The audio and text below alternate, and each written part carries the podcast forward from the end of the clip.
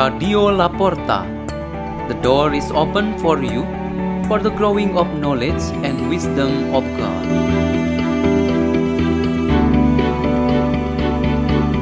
By the Laporta collaboration led by Peter Tukan, priest of the Salesians of Don Bosco.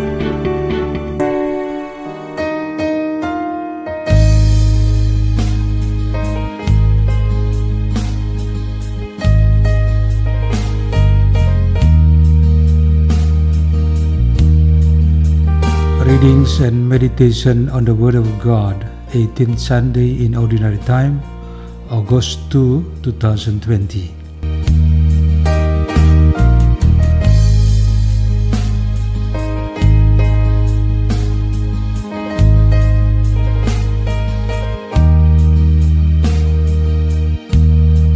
The reading is taken from the book of the prophet Isaiah.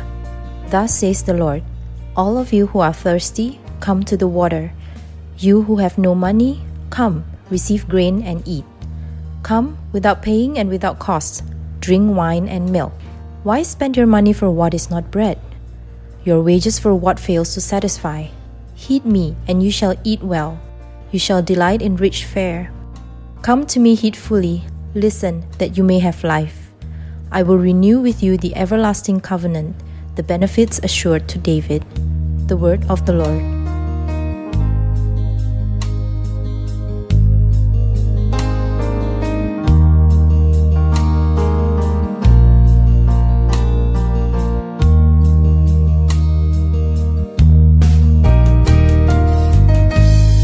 Reading is taken from the letter of St. Paul to the Romans.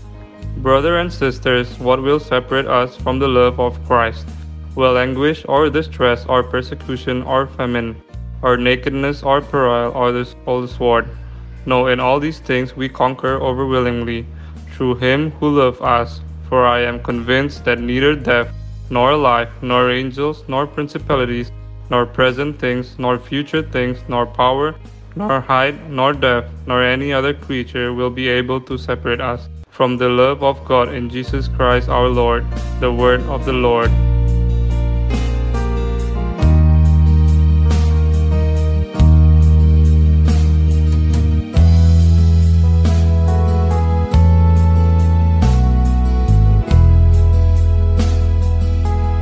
The Gospel of Jesus Christ according to Matthew chapter 14 verse 13 to 21.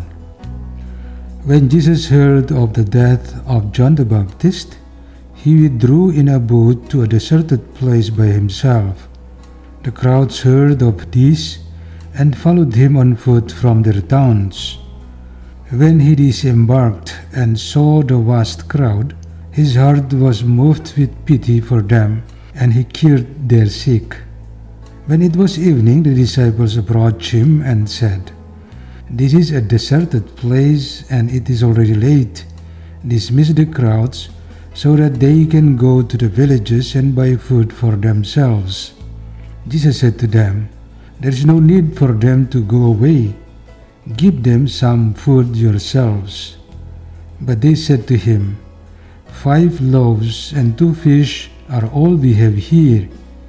Then he said, Bring them here to me. And he ordered the crowds to sit down on the grass. Taking the five loaves and the two fish, and looking up to heaven, he said the blessing, broke the loaves, and gave them to the disciples, who in turn gave them to the crowds.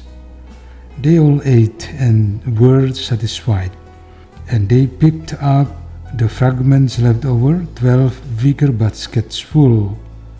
Those who ate were about five thousand men, not counting women and children. The Gospel of the Lord.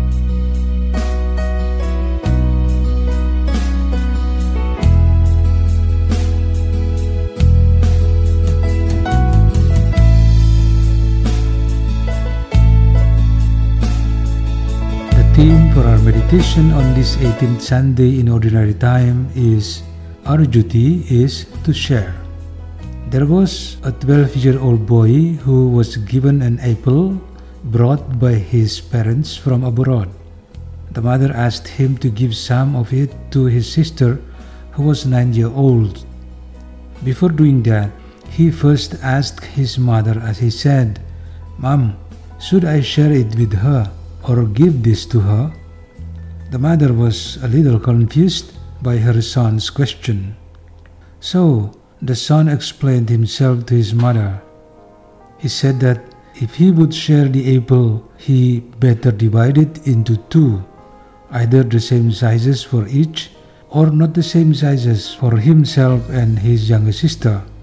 Meanwhile, if he would give that apple, it meant that there was a possibility to give it all or not to give it at all.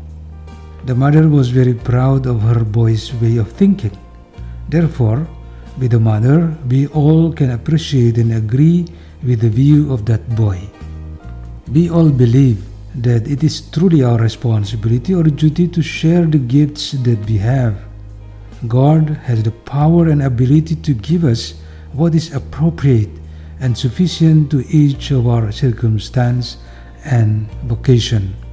We really don't need to bother ourselves to give and try our hardest way in order to give and satisfy others. But we need only enough kindness and generosity to share that we already have what God has gifted us. This kind of belief is very important because it is according to our mission as followers of Christ. The gift from God is for us enough for everyone to be able to live their lives in this world. St. Paul says in his letter to the Romans that this gift manifests in the love of Christ for us. The book of the prophet Isaiah in the first reading today confirms the same thing, namely, the gift of the eternal covenant between God and us is in a real love of Jesus Christ, which has been promised long ago as he already did for David. By realizing that we have these gifts, we should be confident to be able to share them. Even though we only have just a very little portion, like five loaves and two fish, which are told in the gospel today, we are certainly willing to share them. The issue of whether it is sufficient for ourselves and others as well, if that little portion is to be shared, it is the work of God who provides and gives. God has all the powers to do it. God is pleased to multiply it when we have the spirit of love, joy, and willingness to share, so that, as always without our expectation, the miracles from God do happen. Let us pray. In the name of the Father, and of the Son, and of the Holy Spirit, Amen. O Almighty God, strengthen our zeal to be active and rejoice in sharing our gifts with others. Our Father who art in heaven, hallowed be thy name. Thy kingdom come, thy will be done on earth as it is in heaven. Give us this day our daily bread and forgive us our trespasses, as we forgive those who trespass against us. And lead us not into temptation, but deliver us from evil. Amen. In the name of the Father, and of the Son, and of the Holy Spirit. Amen. Radio La Porta. The door is open for you.